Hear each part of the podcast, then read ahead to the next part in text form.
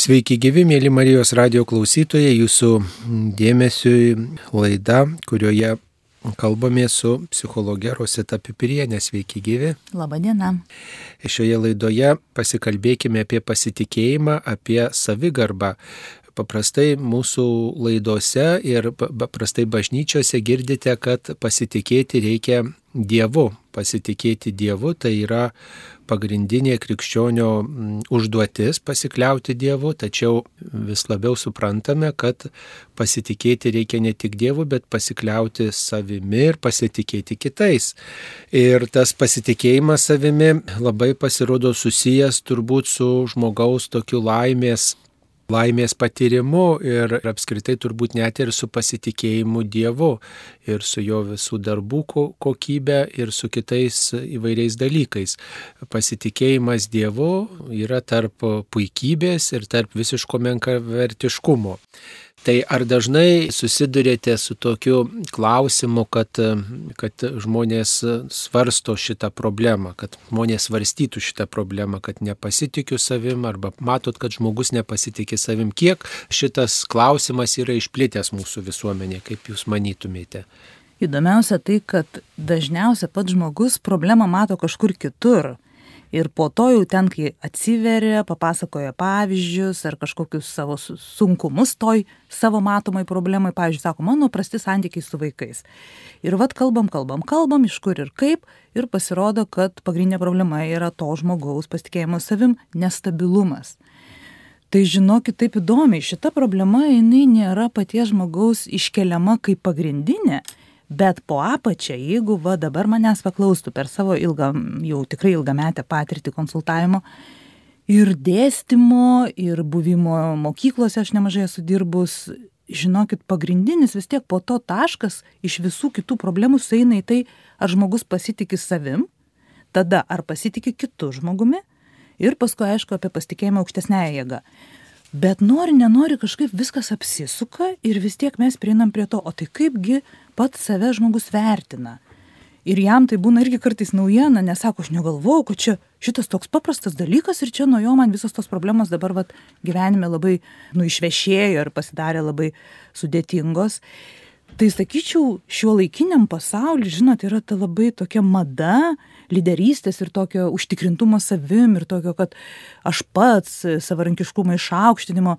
Ir tada žmonės tame paskesta ir jie apskritai nelinkia prisipažinti, kad jiem, pavyzdžiui, trūksta pasitikėjimo savim. Arba persimeta va į tą perdėtą pasitikėjimą savim, kur jau ir puikybė gali būti ir apskritai ten tokio ir e, narcisizmo jau matosi, kad aš vienas, aš savipakankamas, man nei žmonių ten nereikia, nei nei aplinkos mm, kažkokios pagalbos ir net ryšių kartais jau nebereikia. Aš čia pats susitvarkysiu. Dėl ko va šitą temą verta pašnekėti, kad jinai tokia nemadinga dabar labiau linkę žmonės ją apdengti kitom problemom ir sako, va, psichologė čia pas mane tas ir tas nepaeina, kažkaip pasitvarkykim tame o kai pradedu klaust kaip jūs pats save vertinat pati ar kaip jum su savigarba kaip jūs su rezultatais gyvenimo susitvarkot ten pasiekimais dar ir tada prasideda kad žmogus sustoja kartais net sako tai čia gal ne nekalbėkim čia. Gal tada ta ta tema tokia nu pasidaro labai jautroka net. Ir pažeidžiamumas gi po apačia nes pasitikėjimas savim tiesiogiai siejasi su atsivėrimu pačiam sau ir buvimu pažeidžiamu kiek čia reikia apie tai kalbėti, kad vis dėlto tą pasitikėjimą nuo mažens turbūt reikia ugdyti vaikams, ar ne, kad vaikas savim sveikai pasitikėtų ir kartu mm, save saugotų, bet kartu ir, ir neišpuiktų. Viena vertus tokį teisingą savęs vaizdą sudarytų. Ar tas pasitikėjimas savimi yra toks teisingas savęs vaizdas, ar taip galima kitais žodžiais pasakyti? Faktiškai taip ir yra, ką jūs sakot, nes yra sakoma, kad vat, adekvati savivertė arba stabili savivertė arba adekvatus savęs vaizdas. Tai va čia ir yra tas sveikas, teisingas pasitikėjimas savim. Ir tada yra du kraštutinumai. Jeigu nėra va to sveiko vidurkio to pasitikėjimo savim teigiamo ir adekvataus, tada arba žmogus nušoka į savęs nuvertinimą, tai vadinama per žema savivertė arba nušoka į savęs pervertinimą. Ir tada vadinasi per aukšta savivertė, tai yra hiperbolizuota dar kartais sakom. Ir tas ir tas yra labai pavojinga. Tie kraštutinumai, jie visada ves prie problemų arba vidinių, ir tuo pačiu išorinių arba gyvenimo prasmės praradimo motyvas gali būti nesusiję labai. Tai ir jūsų paminėta pradžioje laimės būsena. Irgi yra susiję, todėl kad viena iš priežasčių ir tokių kaip ir duotybių būti laimingu, tai yra stabili savivertė. Tai reiškia, jeigu stabilios savivertės nėra, mes automatiškai kalbėsim ir apie nelaimingumą šio kitokio žmogaus. Tai labai labai yra rimtas dalykas. Turbūt didžiausios problemos žmogui pačiam yra tuo met, kai yra tas menkavertiškumas, kai kiti, pavyzdžiui, menkina, tu nieko nemoki, mes tavęs nelaukim, pavyzdžiui, tėvai sako, mm tau ne, nepasiseka, kiti padaro geriau, kodėl tu taip nepadarai kaip kiti, tai tuomet žmogus gali užsidaryti ir turbūt vat, palinkti į tokį liūdėsi, gali ir į, į depresiją, į nusivylimą, į neviltį tokį ir tada tikrai žmogus patiria vidinį tokį diskomfortą. O kai žmogus išpoiksta, kai jis galvoja, kad aš čia viską sugebu ir aš čia viską galiu, viskas priklauso tik nuo manęs, tai turbūt problemos būna kitiems.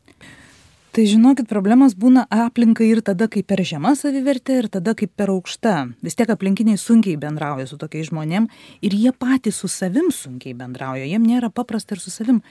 Čia toks stebuklingas yra ir paradoksas to pačiu, ir tokia va išvada. Šiaip neegzistuoja per aukštas savęs vertinimas. Ojei. Mhm. O kodėl neegzistuoja? Todėl, kad ten yra tik kelias kitas jie hiperbolizuotai save išaukština, bet po apačią jie žemai save vertina tie žmonės. Reiškia, egzistuoja per žemas savęs vertinimas ir savęs menkinimas tam tikram lygmenį, tik tai keliai, kaip aš tą spręsiu, yra dviejopi. Tai vienas yra aukos sindromas vadinamas, nusivertinimas ir toksai savęs galėjimas, bijojimas kažką pradėti, rizikos baime, nesėkmių baime, depresija ten vad būtų toj vietoj, apatija, ta prasme, nelieskit manęs, aš gyvensiu taip, kaip moku, bijojimas kažko naujo pradėti. O kita pusė iš to paties per žemo savęs vertinimo yra hiperbolizacija, tai yra aš pervertinu save, nes viduje jaučiuosi labai labai menkai. Tai jokių būdų šito nereikia sakyti žmogui, kuris yra išpuikęs ir prieš jūs sėdi. Ir jeigu jūs sakytumėt, aš žinau, po apačiu tu save per žemai vertini, bus tragedija. Nes jis sakys, tu čia manęs nesupratai, tu čia baig nesąmonės. Tai vad, pavyzdžiui, terapijos prasme, pagalbos prasme yra lengviau padėti tam žmogui, kuris save nuvertina viduje ir eina va tuo tokiu vadinamu aukos keliu daugiau, nes jis pagalbą labiau priims jisai nesusireikšmina. O va tie, kurie pasiema tą hiperbolizuotą savęs pervertinimą, kaip kelią išsilaisvinti nuo to žemo savęs vertinimo ir nuo to menkavertiškumo viduj, jiem labai sudėtinga padėti. Ir pavyzdžiui, toks žmogus kartais ateina į terapiją ne dėl savęs. Jį kiti pasiū, nu, kaip ir nuveda netiesiogiai, pavyzdžiui, ten ant skirybų ribos. Ateina vyras arba žmona ir sako, mano sutoktinis, sutoktinė liepia man čia ateiti, nes kitaip skirsis jau galim pradėt galvot, kad mes turim žmogų, kuris save pervertina. O apačioj reiškia, jo širdį vis tiek yra pažydžiamumas, jautrumas, kažkoks neišsipildymas gal net savęs kaip tokio. Tai va čia įdomi situacija ir tada bet kokiu atveju mes sėdim vat, prieš tą vadinamą pagirūną, labai lengva ten etikečių greit priklijuoti, bet visada žinom, kad viduje ta pati pažeista krujuojanti širdis yra tas menkavertiškumas. Tai yra, jis viduje yra toks pat pažeidžiamas ir save nuvertinęs tik išoriškai, kartais su to žmogum net nu, sunku išbūti tą konsultacijos valandą, nes visus kaltina tą patį psichologą, čia, kad, nu, ne tais metodais dirba, čia aš geriau žinau, aš suprantu labiau, kaip aš savo galiu padėti. Ir vad, žinokit, daug, labai daug laiko reikia skirti tokiam žmogui auginti, tai reiškia priimti jį tokį ir dažnai aplinka nepriima, nes, nu, tikrai sudėtinga būti su žmogum, kuris yra hiper save pervertinęs. Tai vos ne psichologas gal būna vienintelė jiem išeitis, silovadininkas psichologas, kurie gali priimti jį tokį, neteisė jo, nevadina kažkokiu ten e, narcizų, pavyzdžiui, iškart irgi labai lengvai apšaukti. Tai šiaip, jeigu taip galvot, paprasčiau tarsi būti ir, ir bendrauti ir pagalbą suteikti žmogui, kuris save nusivertinęs, negu kuris pervertinęs. Bet apskritai žiūrint, gyventi, pavyzdžiui, jeigu reikia, arba šeimoje yra toks žmogus, arba keli tokie, dar sudėtingiau tada, Tai sudėtinga ir patiem jiem, ir aplinkoje esantiem žmonėm, ir bendradarbėm, ir bendramoksliam, ir taip toliau.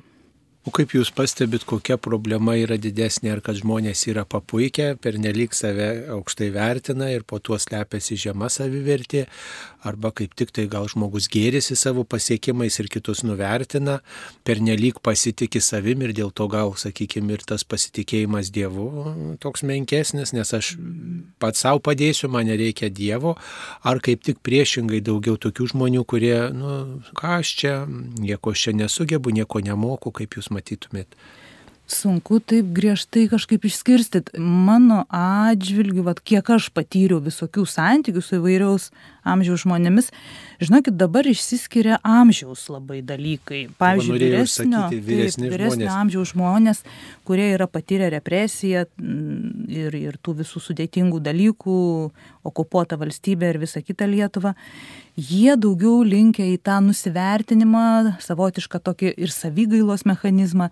Ir ten dar po apačią atsitinka taip, kad jeigu tas žmogus savo nepadeda, jam kiti nepadeda arba jis neleidžia savo padėti, nes visiškai krinta į tą regresą, ten po apačią dar yra lygos, gana daug labai sudėtingų lygų. Onkologinės lygas kartais priskiria šitiem vat, atvejam, kad nu, žmogus antiek save supylęs yra viduje, paneigęs kažkokiu būdu, kad, nu, net vad gali onkologinė lyga išsivystyti. Psichosomatika, migrenos įvairios, hipochondrijos, ten mm, visi, visi širdies negalavimai. Tai vad labiau amžiaus motyvas gali būti, nes tie žmonės augę toj sistemoje, kur apskritai savo žodžio negalėjai pasakyti, viską turėjai perkeltinę prasme, saugot save ir aplinkinius ir tos tiesos iš viso niekas nelaukia iš, iš tų žmonių. Jaunimas, žinokit, dabar, nes aš daug labai su studentais turiu reikalų ir jaunai žmonėm, jaunimas daugiau dabar metasi į tą aš galiu principą ir man labai pavojingai skamba tarp jaunų žmonių dabar tokia mada jau, žinokit, atėjusi, kad aš galiu viską. Ir aš tada jiems sakau, nelabai supratau, sakau, kūnas tai ribotas, jūs nežinot, sakau, kūnas tai mirtingas. Jie tik ups, žinot, jiem ten 20 keli nei apie mirtį net ne, nepamąstė. Buvau pamiršęs. Taip, kad valgyti reikia, miegoti reikia. Ai, sako, aš galiu beveik nemiegojęs gyventi. Sakau, kiek parų. Ir po kiek parų jau griūsit. Tai vad nerimo sutrikimai labai būdingi būtent tam hiperkompensavimui, kai savęs vertinimas yra užkeltas iki tiek aukščio, kad jau pats žmogus savęs nebetlaiko nerimastingumas nerealus, ten jie tiesiog vietoj nenusėdi, tonizuoja save įvairiais metodais, nuo kavos ir visų energetinių gėrimų, vitaminų visokių, nesgi reikia beveik nemiegojus ir beveik nevalgius gyventi, taigi penkis darbus turiu, turiu kurti ten dar. Ir va ta lyderystės labai stipri mada tarp jaunų žmonių komandoje dirbti tarsi jau kaip ir nebepriimta, nes tada tu nekietas. Man šitas dalykas skamba labai labai jautriai. Aš pati už lyderystę aš pati esu gana stiprių lyderio savybių bet šita vieta yra labai pavojinga nes mes apskritai užmirštam tada kad mum reikalingi kiti žmonės ir kad bendrystėj kur kuriasi didžiausi rezultatai Tai gal tada reikėtų sakyti, kaip kokias išeitis galime padėti surasti tam žmogui, kuris turi tą tokį nusivertinimą ir tada kaip padėti tam žmogui, kuris nu, vat, yra tiesiog papuikęs, tas nusivertinęs žmogus gali ir prašo pagalbos, mhm. bet tas, kuris labai gerai save vertina, gal tiesiog pats gyvenimas jam snapą numuša, kaip sakoma. Taip, taip, taip. Pavyzdžiui, insultas ir, ir ką nori tą daryti, turėjau atsigulti ir tau atneša vandenį ir iš pradžių ten žmogus rankos nevaldo ar, ar kažkaip jis supranta, kad, na, jau pačiam vienam toliau neišeis eiti. Bet šiaip jeigu žiūrėt apskritai abiem tipažam vis tiek yra apie tą patį, žinokit, ten realiai pagrindas yra vis tiek apie apleistumą. Nes iš kur formuojasi nestabili savivertė, sakykime, ir per žema, ir per aukšta yra nestabili. Tai iš apleistumo savotiško. Kaip tai atsitinka? Vienos iš šeimos apleistumas iki trijų metukų dažniausiai suformuoja pagrindą vaikui savivertės, bet čia tik pagrindą. Nereikia išsigąsti, nes savivertė kinta visą gyvenimą ir visą gyvenimą mes ją galim tobulint, nu, gerąją prasme, daryti vis labiau adekvačią. Tai yra labai kintamas dalykas ir čia yra gera žinia ir viltis, bet šį pagrindą, žinokit, įstato vis tiek aplinka iki trijų metukų. Tai jūs patikėkit, vaikas dar net į mokyklą nenuėjęs. Reiškia, tik tie žmonės, kurie jį supo, iki trijų metukų labai stiprią daro įtaką savivertės tam vadinamam branduoliukui. Tai ten labai svarbu, va tas yra vaikas toks, nu, va, svarbiausias arba labiausia matomas, ar jis apleistas ir paliktas pačiam su savim tvarkytis. Tai tas apleistumas, žinokit, gali, pavyzdžiui, pasireikšti ir lepinimu. Pavyzdžiui, per didelis lepinimas tai savivertę mažina. Ojei. Taip. Niekada nepagalvotume. Va būtent, sako, apleistas, oi ne, aš niekada nepleidau savo vaiko, aš visur, visur jį vežiojusi kartu, viską jam duodu, viską perku, ko prašo. Tai sakau, čia baisiausias apleistumas. O kodėl? Nes vaikas iš vis neišmoksta nei palaukti, nei pats kovoti už save, nei suprasti, kad kiti žmonės irgi turi poreikių, reiškia reiks derintis jis auga, na, kaip koks e, žvėrių karalius, suprantat. Ir kai jam yra tik du metukai ar trys, jis gali norėti visko, nes jis dar nesuvokia, jis yra per mažas. Ir jis tada tampa tuo vadinamu juoduoju karaliumi. Aš kartais taip vadinu tuos vaikučius mažučius, kurie vadovauja visai šeimai. Jūs įsivaizduokit, vaikas dar pats globos reikalingas, jis dar turi būti ant rankų nešiojamas, supamas ir fizinė ir emocinė prasme, o dabar jis vadovauja visai sistemai. Taigi jis išprotėt gali. Ta prasme, kad neišmoksta kantrumo, neišmoksta Taip, ir saugumo negauna. Gerumo tokio parodyti kitiems. Taip, ir dėmesio. saugumo negauna, nes vaikui iki trijų metukų privalomos ribos, taisyklės, nes jos duoda saugumą. Jeigu vaikui viskas leidžiama tame amžiuje, jis jaučiasi apskritai nesaugiai. Nes jis nejaučia ribos, tada jisai galvoja, kad visas pasaulis bet kada gali keistis, nes jis jį keičia burtų lasdelė, kaip sakant. Tai kam reikalingos taisyklės, aš kartais ir sakau, būtent savivertėjai stabilizuoti. O mums nereikia, mes bet kada gulamės, bet kada keliamės, mes pagal vaiką viską. Kūdikis taip ten žinda pagal laiką, jo, o ne, ne mamos nustatyta ten jau iki tam tikro amžiaus kūdikystėje tikrai labai svarbu sekti vaiko poreikius. Bet vaikutis jau nuo 8 mėnesių, nuo 8 mėnesių jau turi viduje mechanizmus suformuotus, jis turi išmokti palaukti. Ir tos mamos, kurios ten, kaip, nu, ten plaunasi galvą, pavyzdžiui, duše, vaikutis ten e, lovytį pradeda rėkti ir su visa ta šlapia galva bėga ir iš karto prie krūties ir panašiai. Trupučiuką saugiai toj lovytį, jeigu yra apsaugos sudėtos, jisgi niekur nepabėgs. Nubiškiuką paniurnės ir ateis ta mama ar iš toleto. Ar... Tai besalginis prieimimas įmanomas tik iš Dievo. Ir jeigu žmonės tą suvokia, panašu, kad tada mes turėsim pakankamai gerą savivertę tame vaike. Bet jeigu mes įsivaizduojam, kad mes kaip tėvai esam tie, kurie turim besalgiškai vaiką priimti, tai mes jau dedam pagrindus ne visai teisingus vaiko savivertai.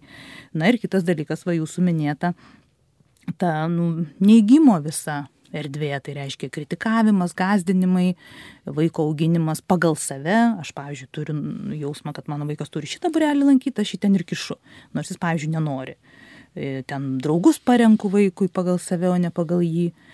Labai žemina savivertę. Tai va tie du kraštutinumai. Vienas yra apskritai nėra ribų ir vaikas lepinamas nes tėvai nemoka pasakyt ne tarsi bijo vaiko pykčio. Kita pusė kitas kraštutinumas tai yra draudimas vaikui apskritai būti savim ir tuos poreikius savo kažkokius tai net išreikšt kartais neleidžia pavyzdžiui tėvai tiesiog neleidžia vaikui pasakyt apie ką jis svajoja fantazuoja ai tai čia durnystės tu šneki kažkokias baik tu čia nesąmones šnekėt reikia išmokt e, protingai kalbėt ir tada vaikui net nėra kur išsakyt savo, nu gerai, pradžioje tai vaikai labai fantastai, jie tikrai svajoja labai įdomių, nuostabių, magiškų dalykų, bet tai yra brandos tam tikra fazė. Iki septynių metų vaikas pakankamai magiškoj savo toj, nu, erdvėje gyvena, tai jie turi fantazuoti.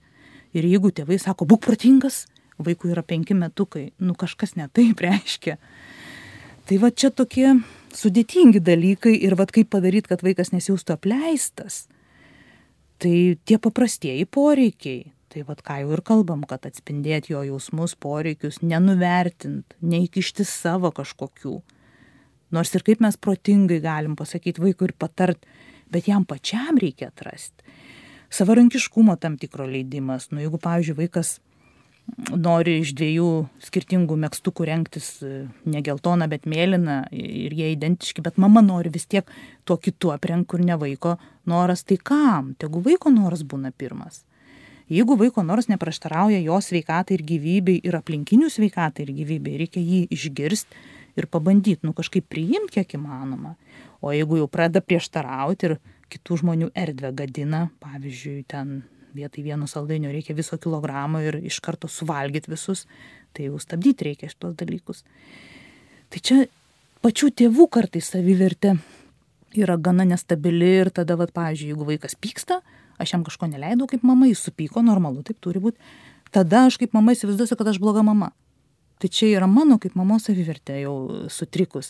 Jeigu vaikas pyksta, kai aš jam neleidau iki 12 nakties žiūrėti filmukų, tai gerai, tegu papyksta, bet aš neturiu leisti dėl to, kad bijau jo pykčio, nes jaučiuosi prasta mama. Nes kartai sako, mūsų šeimoje niekas nesipyksta. Sakau, tai kažkas negerai. Tada jūs turit problemų, reiškia. O gal visi tokie labai ramus? Tada jie pykstasi ramiai. Nes pyktis, žinot, kartais mes įsivaizduojam, vis reikia vieni kitų keikėsi. Ne. Diskutuoja, pavyzdžiui, ramiai, bet griežtai. Kitaip neįmanoma sutarti, jeigu yra Vis tiek nuomonių įsiskirimas tai turi būti. Net jeigu du šeimoje nariai ir dar negimė vaikučiai, tai yra žmona ir vyras, ta prasme, ar pora gyvena, ar kaip, vis tiek jau bus skirtumai. Ir jeigu apie, apie tai nekalbės, nes nenori pyktis, nes tai yra, na, bet kaip ir negražu, mes turim mandagiai gyventi viską, tai rodys, nu, kad kažkas nevyksta.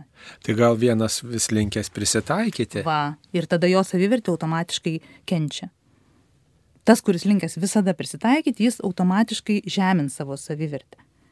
O tas, kuris visada laimi ir visada nugali, nes jam nusileido partneris, partnerė, savo savivertę aukštins, pats nenorėdamas taip gausis.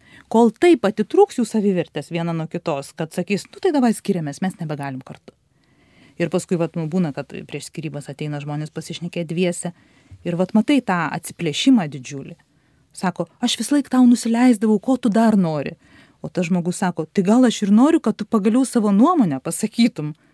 Ir vad, kai tą sumažinę atsiskyrimą leidi pasakyti nuomonę tam, kuris vis laik nusileidinėdavo, toj pačioj poros konsultavimo, pavyzdžiui, nu, susitikime tame, pasirodo, kad viskas gerėja, o tas žmogus, kuris visą laiką norėjo nugalėti, nes jam nu vat patinka visada vadovauti ir sakyti, mano bus tiesa, pradeda suprasti, kad labai įdomu, kai kito tiesa nugali, kad ir man naudinga, kai aš savo partneriui nusileidžiu ir sakau, nu gal gerai, nu gal tikrai nebereikia ta, šią savaitę jau į penktą koncertą eiti.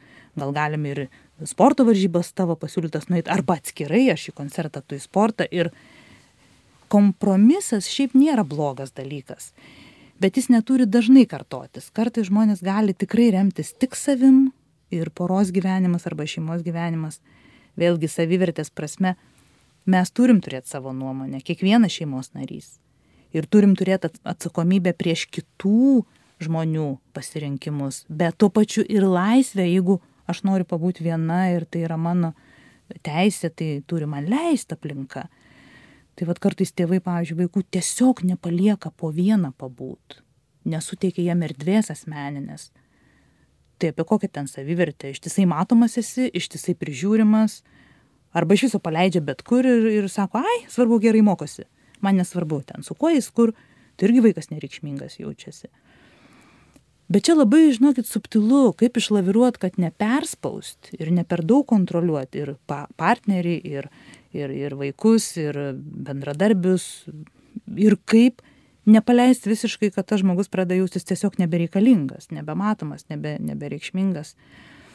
Tai tokie taškai O kaip e, krikščioniškas tikėjimas e, padeda tą teisingą savivertę suformuoti? Paprastai yra toks e, įvaizdis, ypač tarp netikinčių žmonių, kad tikėjimas kaip tik tai žemina žmogaus savivertę, kad tu, reiškia, mm. save menkini, mes ir maldose sakome, esu nevertas, esu kaltas, esu dulki ir netikintiems žmonėms vienas iš tokių kontrargumentų prieš mm. tikėjimą yra tas vat, nuodėmės priminimas, tas kalties pripažinimas, nuolat kalbėjimas kalbėjimas apie kaltę, apie mirtį, apie laikinumą, apie trapumą.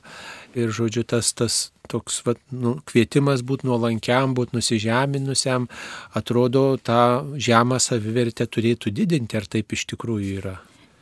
Tai žinokit, ne visai taip, nes jeigu žmogus drąsiai prisipažįsta savo, ap aplinkiniam ir tam pačiam Dievui, ne kai melžiasi ir kitaip į jį kreipiasi, kad yra kažkur kaltas, prisėmė atsakomybę už savo klaidą, nori ją ištaisyti, tai yra stipraus žmogaus poelgis. Mes tik iškreipiam visą tai labai, tie, vat, kurie taip, kaip jūs paminėjot, kalba. Tik stiprus žmogus gali prisimti atsakomybę apskritai už savo veiksmus. Juo labiau už klaidingus veiksmus arba nusižengimą kažkokį arba, nu nežinau, kažką netaip padariau kažkokiam žmogui, jis įsižeidė, aš jį skaudinau. Tik stiprus žmogus gali pasakyti taip, aš suklydau, aš atsiprašau, atsiprašyti, pavyzdžiui, irgi. Tai atsiprašymo galėjimas, mokėjimas atsiprašyti priskiriamas prie adekvačios savivertės žmogaus. Tai prie to geriausio viduriuko. Ir ten prie tų savybių, va, jeigu skaitytumėt, yra, va, kad mokėti paprašyti pagalbos, pavyzdžiui, tai nesilpnumo įrodymas, tai įrodymas, va, adekvačios savivertės. Tada atsiprašyti už savo padarytą kažkokį negerą veiksmą, lygiai taip pat kito priimti atsiprašymą, nes yra žmonių, kurie nepriima atsiprašymų. Sako, tu mane taip pyžydį, tu gali kiek nori atsiprašinėti, aš tau net leisiu. Tai nėra adekvačios savivertės bruožas. Čia jau bus daugiau apie tą pervertinimą savęs. O vidui pažeistumą kažkokį labai jautrumą didžiulį. Jeigu žmogus atsiprašo nuoširdžiai, tai kažkaip turim rasti kažkokią savyje jėgą atleisti, arba jeigu neišeina, galima ir maldoje atleisti. Pavyzdžiui, ypač jeigu mirė žmonės, kurie mus sužeidė, tai nebus apie nusivertinimą. Suprantat, yra skirtingi dalykai tarp nuolankumo. Nuolankumas yra brandos požymis. Ir tarp savigailos. Tai savigaila yra apie tai, kad aš nevertas apskritai gyventi, arba aš tiek jau negerai gyvenu, tokia kaltė ir gėda su mano gyvenimu man kažkaip vat, kyla, kad tada aš ištisai savęs gailėsiu, o kitus vadinsiu mano kenkėjais tarsi, nu, va jie tarsi mano tą gyvenimą tokį negražų padarė, tai va ta savigaila yra labai pavojingas dalykas. Geriau iš savigailos išeiti į saviglobą. Savigloba tai yra, aš žinau, kad man, pavyzdžiui, gyvenime kažkas nesiseka, nepaėjo, gal mane ten kažkas nus, nuskriaudė smarkiai, ar ten aš kažkur buvau e, sužeista emociškai ar kitaip, bet aš suprantu, kad aš galiu įti prieki. Ir savigloba nuo savigailos skiriasi tuo, kad savigloba turi galę. O savigaila turi, nu, prapulti ten, ta prasme, tiesiog ir, ir sugriusi į bedugnę savęs gailėdamas. Nu, savigloba tai čia kaip tokį truputį savo dėmesį, kažkokį skirį, palepinį save vaikų pavadinti. Ir irgi pas mus ne visai tai, žinokit, madinga. Ir aš vis noriu labiau šitą ir žodį, ir šitą būseną pasiūlyti žmonėm įtraukti gyvenimą, nes tai yra vienintelis iš tų gerųjų bruožų, kaip mes patys savo galim padėti, nes visi kiti tokie truputėlį saliginiai, negali perspaus padaryti per daug savo kažko, tada tave ten egoistą apšauks. O savigloba yra apie va būtent meilę savo kaip vaikui. Ir mes prie tų pačių poreikių grįžtam. Pavyzdžiui, jeigu jaučiamės, kad mūsų savivertė nestabili arba labai pažeidžiami pasijutom, ar, ar tikrai įvyko kažkas, kas mus labai išbalansavo savivertės prasme, nu nepasisekė projektas, nežinau, įvairių dalykų būna. Nesėkmė nėra pralaimėjimas, nesėkmė yra iššūkis. Ir va tada labai svarbu tas elgtis su savim kaip su vaiku gali labai juokingai skambėti, bet žinokit, konkrečiai kartais konsultacijose ir sakau žmonėm ir pati savo, žinokit, tą naudoju vakarais, pavyzdžiui, paglostau save ir sakau, nu viskas gerai, dabar tiesiog sunki diena buvo. Žinai, Rosita ramiai, dabar tu išsimiegosi, rytoj bus kitaip. Ir tikrai būna kitaip. Tai čia prie viso to, kad aš ir meldžiuosi tose situacijose, kur man kažkas būna sunku, nepasiseka ar kažkas mane įžeidžia, aš meldžiuosi daug daugiau negu tose kitose situacijose, bet aš dar va ir šitą naudoju. Tada kitas dalykas - nesustot. Savigloba tai reiškia, kad aš nesustoju ties to, kur man nepasisekė arba kur mane kiti apkaltino kažkuo, nes nuo to irgi savivertė kenčia. Bet einu ir pabandau vėl daryti. Nu, va toks gyvenimasgi nėra nekintamas, jisai kiekvieną dieną, kiekvieną minutę keičiasi. Tai aš, kad ir nepavyko, bandau dar vieną žingsnį. Gal aš turiu daugiau pagalbos pasikvies, gal aš ne pas to žmonės kreipiausi, gal man reikia pas kitus kažkur, gal aš kažką e, tiesiog pervargus per daug dariau, dėl to nepavyko. Tai vad vėl pabandyti daryti, ar per kitą pusę, ar truputį kitaip. Tada labai svarbu irgi čia apie savivertės stiprinimo būdus jau natūraliai praėjom, labai svarbu pagirti save už padarytus dalykus. Žinokit, irgi šita situacija labai darosi pas mus nebe, nebenaudojama. Kažkaip, kai aš maža buvau ir augau, kad ir tais tarybiniais vadinamais prastais laikais, nu buvo ta truputėlį pagirimų sistema stipresnė. Dabar žmonės, žinokit, lekia kaip išprotėję. Vieną darbą baigiau, net nepasako, wow, faina. Nepasidžiaugia su kolegom, su kuriais kartu tą padarė. Nepadėkoja viens kitam Tai reikia šitą atstatyti, gražinti, nes tas vat, pas, pasidžiaugti savo pasiektais rezultatais arba buvo sunki diena, nežinau, įvyko sunkus keli pokalbiai ir išlaikiau juos, nepratrūkau ten, nepasiunčiau kažko kažkur, atsiprašau už tokį tiesų pasakymą. Tai ir pasakau ačiū savo. Tarsi aš išlaikiau, aš padariau, kad ir mažiausi dalykai, kambarį sutvarkiau, valgyt padariau, nors labai labai jaučiau, kad nu, vos vos galiu, bet pasidariau ir taip faina, pavalgiau ir kitus pamaitinau. Tai vad apie tą padėką savo ir pasidžiaugti savo pasiektais rezultatais. Ir paskui labai labai svarbu apie būti reikšmingam, naudingam ir prasmingam kitiems žmonėms. Nu, čia jau tas gal aukštesnis savirealizacijos poreikis, bet, bet kokia atveju net maži vaikai nori jau būti reikalingi. Jie nupiešia piešinuką, atneša, parodo, tai pasidžiaugim ir sakykim labai gerai, kad tu čia padarai, pakabinkim ant sienos, nu, kad va, jis pajaustų, kad jis dalyvauja šeimoje kaip sistemoje. O ką jau kalbėti apie didesnius, vyresnius vaikus arba suaugusius žmonės, tai būti priklausomam čia ne ta prasme, kad priklausomybė, bet bendruomeniai. Mums reikia būti bendruomeniai. Ir reiškia, tame irgi ta savivertė stiprėja ir žmogus tampa toksai va reikšmingesnis ir savo, ir kitam, ir plius jis iš kitų gauna prieimimą, palaikymą ir padėką. Ir ten va prasideda tie sakralūs dalykai. Aš sakau, va ten jau tada yra Dievas, kai visi žmonės kartu, jie turi savo tą leidimą būti ir savim to pačiu, unikaliu, nespaudžia vienas kito, neprievartauja, tu būk toks, nes aš tavęs tokio labiau noriu, bet tuo pačiu jie viens kitam ir duoda tai, ko labai reikia. Nu, čia toks O kaip, gražus dalykas. O kaip pats Dievas stiprina žmogaus savivertę, kartu viena vertus, kaip sakant, santykiai su Dievu reikia to nuolankumo tokio, pasitikėjimo Dievu, bet kita vertus, kaip mus kelia va tokius, kai mums nepasiseka, kai mes esam silpni, turbūt vienas iš tokių būtų ženklų, tai kad priima žmogų tokį, koks jis yra. Priima besąlygiškai, ne dėl to, ką aš padariau ar kad ko nepadariau, bet priima tokį, koks esu, kaip iš švento rašto mes matome turbūt ir iš savo patyrimo, žinoma, kad Dievas duoda naują dieną net ir po didžiausių nesėkmių mm. ir nuodėmių. Tai toks palaikymo ženklas. Jeigu Dievas tai palaiko, tai tada ir aš save turiu priimti klystantį ir tada ką su tą klaidą daryti klausimas. Mm. Bet čia apie tą besalginį prieimimą tai visiškai čia yra tiesiog vienintelis atsakymas. Ką gali Dievas, ko negali nei vienas kitas žmogus. Tai yra besalginį prieimimą duoti. Ir va čia tikinti žmonės gyvuoju Dievu, santykio Dievu, jie yra jau iškart laimingesni. Tarsi, nes jie visada turi besalginį prieimimą. Bet aišku, su Dievu irgi yra visokių diskusijų. Tai jeigu aš jausdama, kad mane Dievas besalgiškai priima, darau ištisai blogus dalykus ir galvoju, tai vis tiek priimu, sutjaučia. Ir neturiu to tokio nuolankumo pasakyti, kad, ah, vėl negerai pavariau, reikia taisytis. Nes žmogus visada yra trūktinas, nu, ta prasme, mes negalim būti tobuli ir nereikia. Tai pripažinti savo, kad prisidirbau ir vėl nuklydau, nu kur jau galvojau, kad nu čia tai jau tikrai šitų klaidų nebedarau ir vėl, tarsi iš naujo ratas.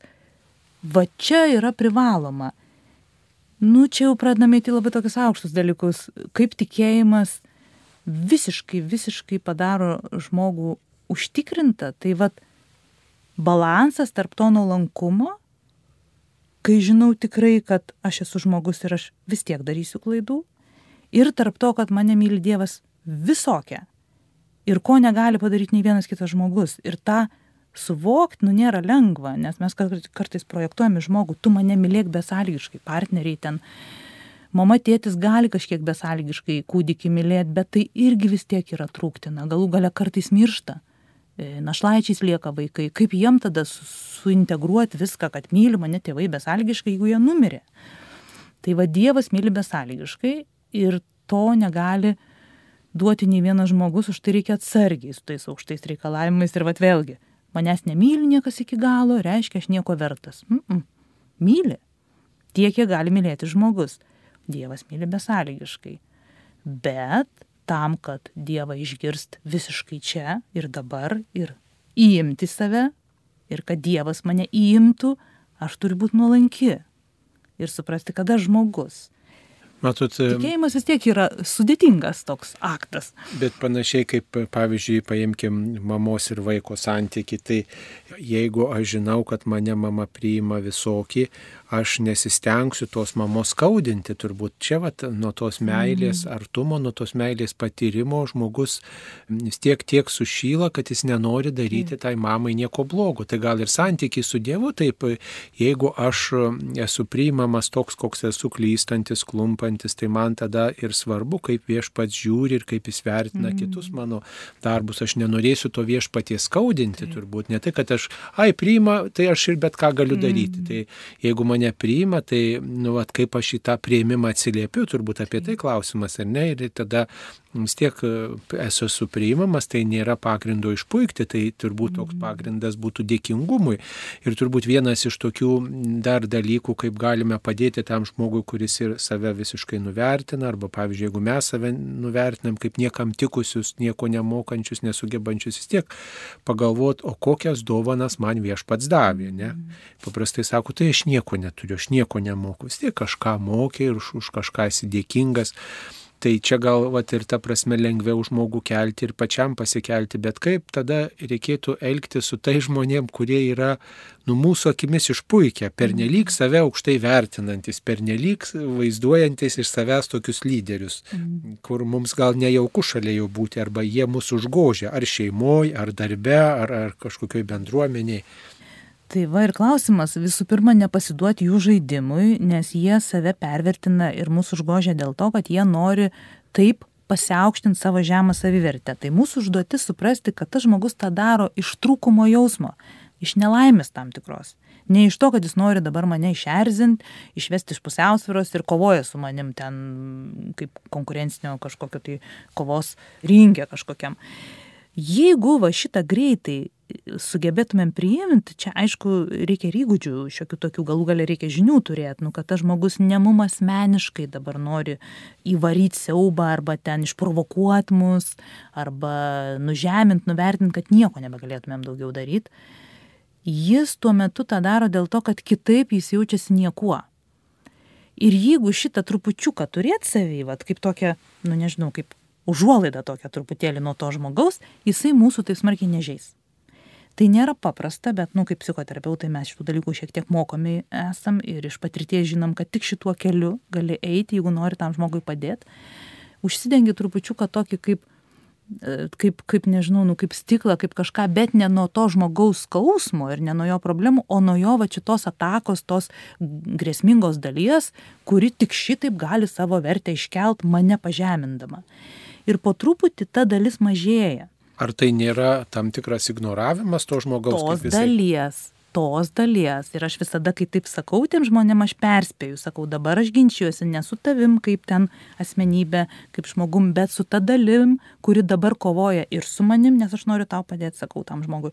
Ir su tavim kovoja viduj, sakau jam, nesakau dabar tave viduj tas e, tavo kažkoks tai atskylęs neigiamas darinys tave puola viduj.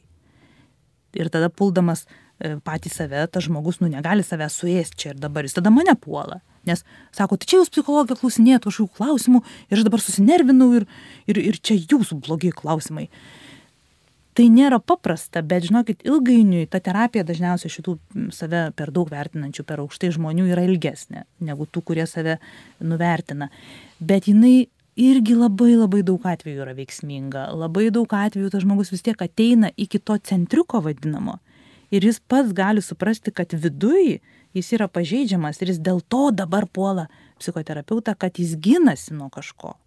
O ne todėl, kad psichoterapeutas blogas, nes jisai čia dabar provokuoja jį ir lygiai taip pat su šeima galima, tada suvedėt gal ir sakai, tai gal jūs ir vaikus taip puola tada, ir žmoną, ar ten vyrą, ir bendradarbį gal, ir darbdavį, ir gal čia tas pats.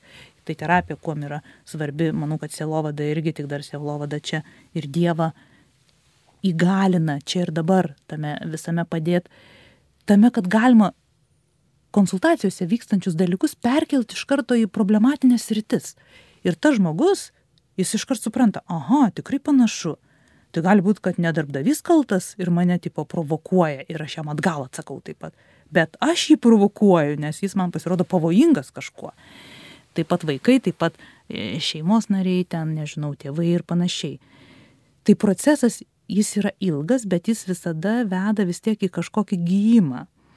Nu ir labai svarbu tada tą gyjimą visada paryškinti.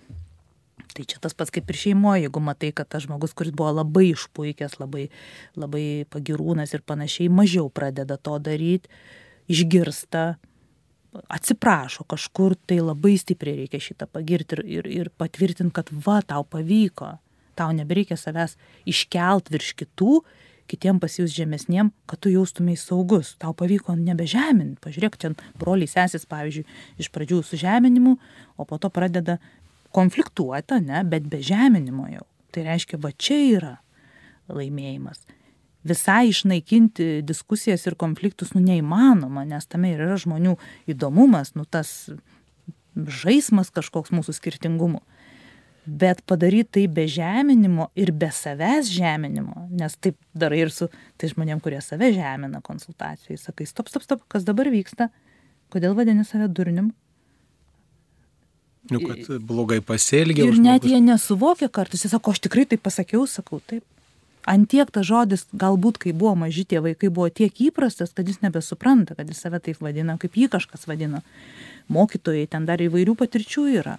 Tie žmonės, kurie turi globot, mylėti, palaikyti ir saugot, kartais atvirkščiai daro. Ir va čia dėja, dėja turim tą pripažinti, bet nekaltinti tik tai tų žmonių, nes tai irgi bus, numečiau atsakomybę, mano mokytojai blogi buvo, mane e, labai stipriai ten veikia neigiamai ir aš dabar galiu bet ką daryti. Ne. Aš galiu iš to išlipti ir bandyti žiūrėti kitaip kaip. Visada yra viltis. Kartais aišku, toli, toli ta viltis. Bet pagalbos specialistas, nu jis vis laik turi turėti viltį. Visada. Tai specialistai turbūt vilti turi ir jie turi visokiausių priemonių ir mhm. kalbas ir žmogui parodo ir, ir jeigu toks žmogus ateina pas specialistą, tikriausiai jisai suvokia, kad truputį gal ar kitus sumenkina, ar kiti šalia jo jaučiasi mm. nejaukiai, tai čia jau yra to gyjimo pradžia, bet turbūt dažniausiai nutinka taip, kad mes susidurėm su tokiais žmonėmis, kurie mus ar pažemina, ar demonstruoja savo pranašumą, ar pavyzdžiui pokalbiuose neleidžia pasisakyti kitiems, ten vaišiasi prie stalo, pavyzdžiui, vienas dominuoja ten ir kitų nuomonės nesvarbios, kitų patirtis nesvarbios, svarbiausia jo istorija. Tai tada žmonės, žinot, turbūt pasirenka du kelius arba uh, nutyla, nekreipia mm. dėmesio, arba tiesiog atsistoja išeina, arba, arba tiesiog pakreipia kalbą kitą linkmę, e, žodžiu, tokio ignoravimo principų sprendžia šitą problemą, o kaip pat reikėtų susitikime ar giminės, ar, ar mhm. bendradarbių susitikime, kaip, kaip atelgtis tokioje situacijoje žmonėm, kurie nėra nei specialistai, nei psichologai, mhm. ar reikėtų tikrai kokią kitą taktiką naudoti, ar kaip kitaip. Sunku pasakyti, žiūrint, kiek reikia išbūti su to žmogum tame dažnai, dažnai reikia. Jeigu dažnai, tai tikrai reikia kažkokių būdų imtis, nes nu, neįmanoma tik ištoleruoti tyliai, ramiai, arba ignoruoti, arba pasitraukti, nu, kartais jau tikrai reikia imtis tokių dalykų, kad ir, ir tas buvimas pasikeistų. Pagrindinis dalykas, dėl ko tie žmonės, kurie savo istorijom ir savo aš visus kitus už, užgneužia ir uzurpuoja, jie nori būti reikšmingi. Labai labai dažnai beveik šimta procentų taip yra pagrindinis tada kaip ir patarimas padaryt tą žmogų reikšmingą. O mes dažniausiai darom atvirkščiai jie mum taip nepatinka jie tokie atgrasūs mes atvirkščiai jo nematom. Atsitraukiam tipo jo nėra čia atsibodo nebegaliu klausyt žinai net į akis nežiūriu. Ir viskas tada dar daugiau jisai kalbės. Jis kalbės dar pusvalandį tai aš pati esu taip darius ir ne vieną kartą dar tada buvau be, bepradedančioji psichologė, bet labai šitie metodai gerai eidavo giminių vadbaliuose. Jūsų tas pavyzdys labai tikrai įdomus yra, kad atsikartoja ir mano atminimuose. Aš tiesiog sakydavau nuostabi istorija, garsiai, sakau, geras, gerai, kad dalinotės, nu tikrai jūs turit patirties tiek daug, pradėdavau ploti ir visi kiti ploja, nes jau, nu, negali ignoruoti, kai va viena atsistoja čia kažkokia keistuolė pradeda ir žinokit, jie nutildavo. Tie didieji mano vadinami kalbėtojai, dėdės ten visokie ir panašiai, tetos, nes labai labai įdomių turiu giminių, tikrai labai ekspresyvių, mm, įdomi mano patirtis tikrai. Ir žinokit, viskas tas žmogus šypsosi, apžiūri visus ir atsisėda. Nes jam va šito ir reikėjo. O problema ta, kad jie besigirdami ir be, be rodydami save per visus, atsiprašau, galus, jie atvirkščiai sulaukia atmetimo. Kuo daugiau atmetimo, tuo daugiau jie vėl iš, iššoks ten prie stalo ar, ar kažkur tai tik palaikymas lygiai taip pat su tais vadinamais įkyriais vaikais. Žinot ten tie vaikai kurie sunkūs vadinami.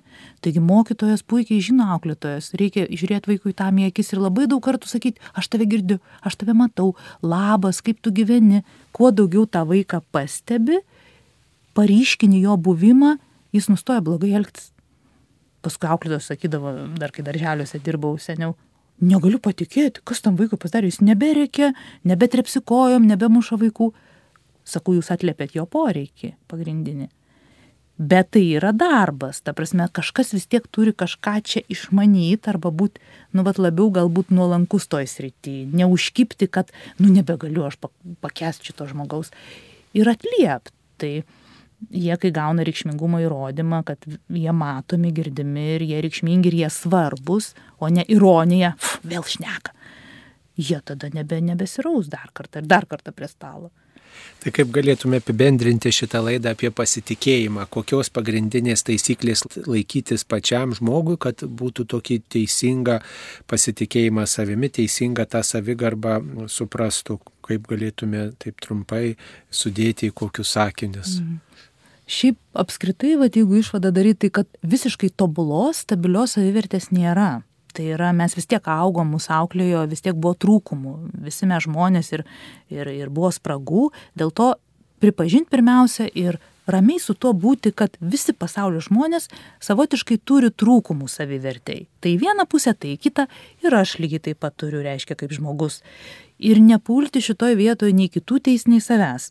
Vienus galbūt žmonės labiau į tą žemesnę savivertę traukia tam tikros e, išgyvenimo situacijos, kitus gal į tą pervertinimą savęs gali būt kad tą patį žmogų kai kur į vieną, kai kur į kitą bus, nes tai yra irgi apie tai vienos situacijos provokuoja vieną, nusivertinti, kitos situacijos pervertinti save. Tai kai aš save priimsiu tokią, kad, nu taip, visi turim šitų sudėtingumų su savivertė, tada aš ir kitą priimsiu. Na ir mano atveju vis tiek, aš, aš kai įtikėjau ir kai atsivertimą patyriau ir aš supratau, kad Dievas niekada manęs neišduos. Nu man taip nurimo viskas aš taip nieko nebeturiu įrodinėti, žinokit. Tai vad, nu tas savivertės prasme irgi, kad jeigu jaučiuosi visiškai užtikrinta, kad mane Dievas priims, aš nebeturiu nei persistengti, nei kitų kažkaip pralenkta, ne, nei kažkur tai klaidų vengti, nes, nu, negražu daryti klaidas, ašgi, nu, protinga, suaugus jau čia psichologė, va. Tai va tas man tikėjimas tikrai ir tas, va, įtikėjimas toksai, nedogminiam ligmenį, bet tokiam patyrimo Dievo, tai labai, labai daug išsprendė ir su savivertė reikalų labai daug. Mėly Marijos radio klausytojai, šitoje laidoje dalyvavo Rosita Pipirienė, psichologė, kalbėjome su ją apie pasitikėjimą savimi, apie savivertės teisingą tokį ūkdymą, nuo to prasideda teisinga savivertė, kai mes suvokiam ir savo dovanas, ir savo klaidas, esam tiesoj ir kai kreipiamės į viešpatį, kuris mus besąlygiškai priima ir norim jam atsiliepti. Psichologija Roseta Pipirienė, laidoje kalbino aš kunigas Saulis Bužauskas visiems teisingos savivertės ir pasitikėjimo savimi. Ačiū sudė.